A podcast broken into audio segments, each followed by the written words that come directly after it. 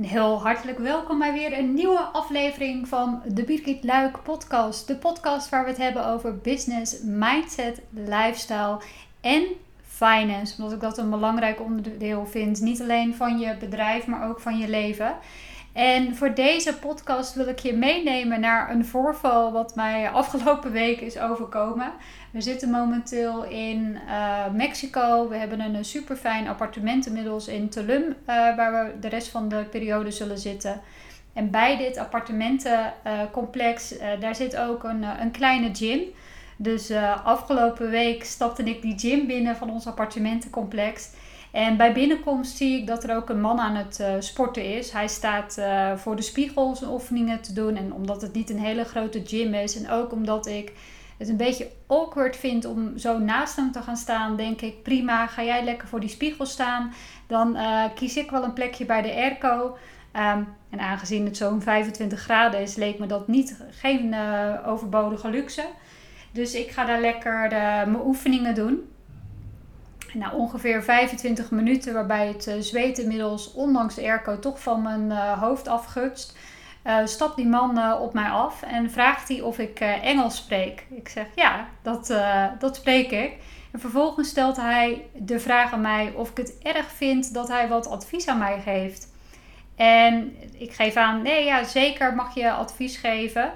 En tegelijkertijd waarop ik dat zeg, denk ik wel bij mezelf, oh oh, nu komt het. En ik merk dat ik onbewust eigenlijk mijn adem inhoud. En dat is heel vaak als ik iets spannends vind dat ik dat doe.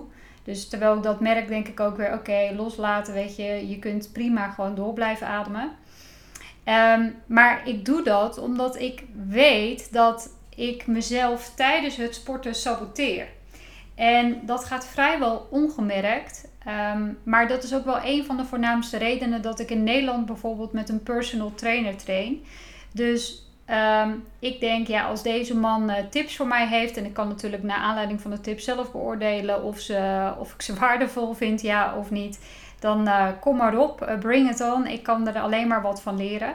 Dus hij zegt, nou, dankjewel. En hij hij gaat, uh, hij gaat zijn verhaal doen. En hij zegt: Ja, ik zie jou zo uh, schuin in mijn ogen. Via de spiegel zie ik jou trainen. Hij zegt alleen. Terwijl je aan het trainen bent, echt bij alle oefeningen die je doet, mag je echt nog meer letten op je houding en met name op de positie van je hoofd. Want zoals ik er nu naar kijk, zoals jij je hoofd nu houdt, ik zie voortdurend dat jij de spieren in je nek op een bepaalde manier aanspant Waardoor uh, ja, die nekspieren eigenlijk verkrampen. Je zult waarschijnlijk ook heel veel last hebben na het trainen van je nek.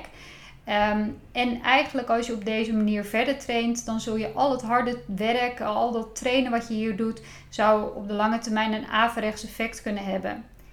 Waarop ik eigenlijk denk, huh?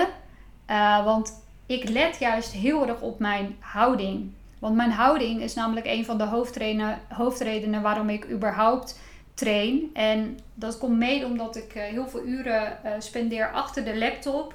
En dat zorgt er gaandeweg steeds meer voor dat ik het gevoel heb dat ik uh, de houding aanneem van een schildpad die zo met zijn kopje naar buiten zo. Um, ja, wat er echt dus uitsteekt en wat dus niet meer in lijn is met de rest van mijn skelet, als je het zo zou mogen zeggen. En ik merk dat ook omdat ik na het werken heb ik heel veel, vaak heel veel last van mijn schouders en mijn nek.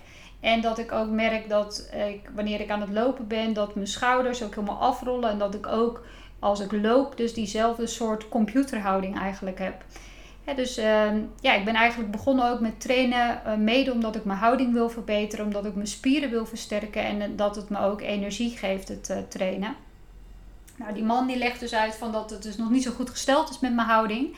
En hij zegt dus ook, ja, dat is ook uh, een van de redenen waarom ik zelf bijvoorbeeld voor de spiegel train. Zodat je kunt zien wat je aan het doen bent. En dat je op die manier eigenlijk ook al jezelf uh, daarmee kunt corrigeren.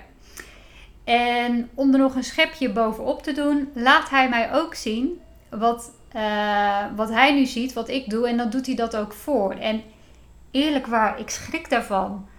En ik denk, oh mijn god, ik dacht namelijk dat ik heel erg goed bezig was. Nou, uh, zo uh, aardig als die uh, meneer was, kreeg ik ook nog handige tips en oefeningen. En dan eigenlijk de belangrijkste les die hij mij die dag leert. Hij zegt: Het gaat er niet om hoe hard je traint of hoeveel zweetdruppels je hier in het rond kan laten vliegen. Het gaat erom dat je de juiste dingen doet. En hij zegt dat en ineens, bam. die kwam zo binnen. En tegelijkertijd denk ik dan altijd, uh, is eigenlijk opmerkelijk. Want dat wat die uh, man tegen mij zegt, dat is ook iets wat je één op één kunt vertalen naar je business. En wat ik eigenlijk ook altijd meegeef richting mijn coachingsklanten. ik zie namelijk heel veel ondernemers die knijterhard werken, die 40 uur, 60 uur, 80 uur per week werken, maar die vervolgens niet de tijd en de ruimte zien om hun business verder te laten groeien. En dat kunnen we dus weer helemaal terugrelateren naar wat die man zegt. Het gaat er niet om hoe hard je traint. Het gaat er niet om hoe hard je werkt. Het gaat er niet om hoeveel uren je werkt. Het gaat erom dat je de juiste dingen doet. Het gaat erom dat je de juiste dingen doet binnen je bedrijf. En daar komt ook de term van vandaan. Het is de bedoeling dat je werkt aan je bedrijf en niet zozeer in je bedrijf. Kijk, vaak begin je je bedrijf vanuit expertise of enthousiasme of passie voor een specifiek ehm, ehm, vakgebied of onderwerp. En uh, dan zet je, positioneer je vaak jezelf als uh, expert. dat heb ik zelf natuurlijk ook gedaan met mijn online trainingen. Voordat ik die kon verkopen, heb ik mezelf echt gepositioneerd als expert. Omdat dat het gebied was waar ik heel veel van afwist. Online marketing en dan met name online adverteren. En door die positionering als expert ben je eigenlijk heel erg goed in dat specifieke onderwerp. Maar je bent dan eigenlijk aan het werk in je bedrijf. je hebt als het ware heb je een baan voor jezelf gecreëerd. En laten we wel zijn, dat hoeft helemaal niets negatiefs te betekenen. Want zelfs als je een baan voor jezelf creëert, kun je nog de mooiste en de beste baan voor jezelf creëren. Waarbij je meer vrijheid hebt, waarbij je meer geld verdient. En dat is helemaal prima. Dus een baan is niet per definitie, een baan als ondernemer is niet per definitie iets slechts of iets negatiefs. Alleen waar zit de cru nu?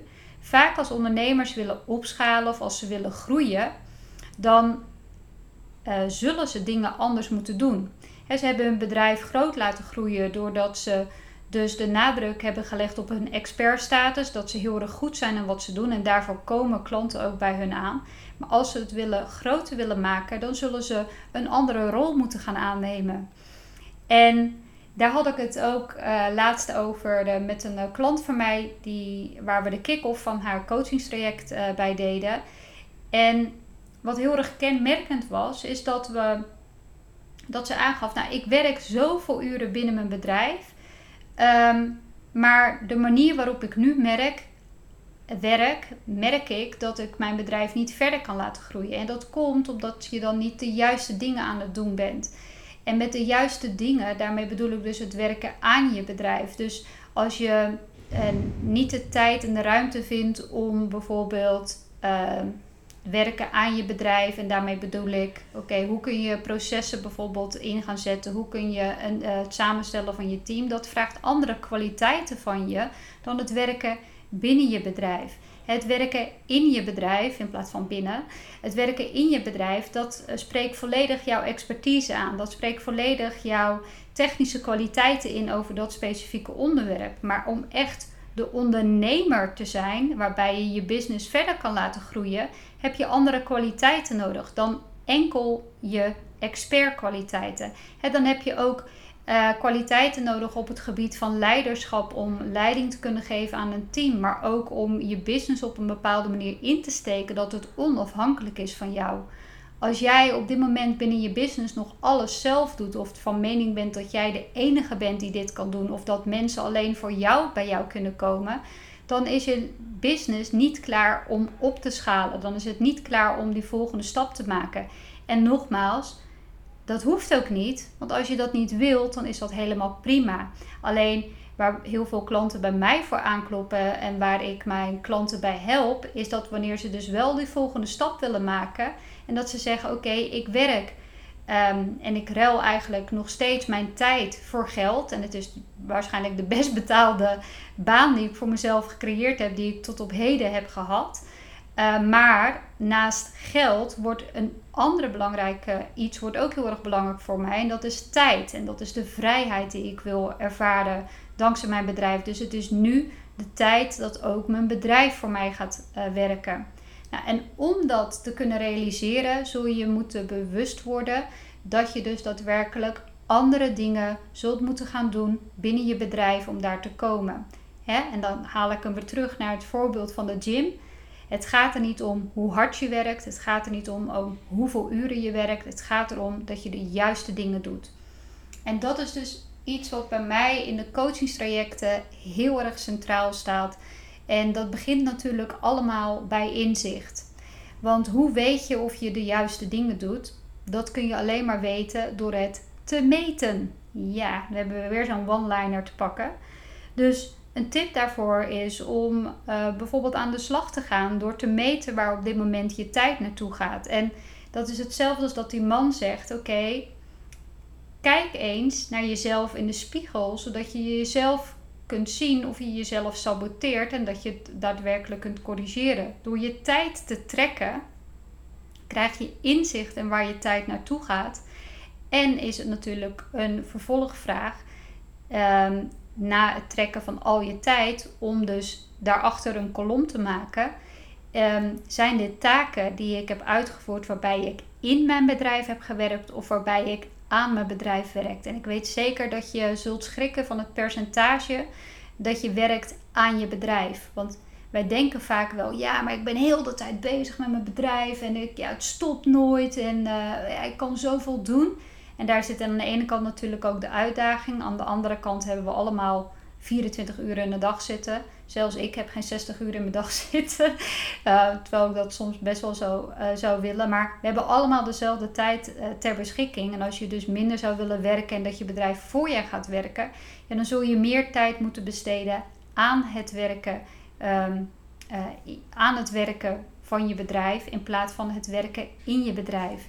Dus ja, zo wilde ik je eigenlijk laten zien dat door advies die ik kreeg op mijn uh, fitness en uh, sportkwaliteiten die ik aan het demonstreren was in de gym hier, dat ik daaruit ook weer een uh, hele belangrijke ondernemersles eigenlijk haalde. En dat weer gaf bij mij ook weer het belang van coaching. En de reden waarom ik dus in Nederland bijvoorbeeld bewust de keuze heb gemaakt om te trainen met een personal trainer dat is omdat ik weet dat mijn houding uh, niet de allerbeste is. En dat ik ook heel vaak niet uh, weet hoe, hoe ik de oefeningen op een juiste manier moet uitvoeren.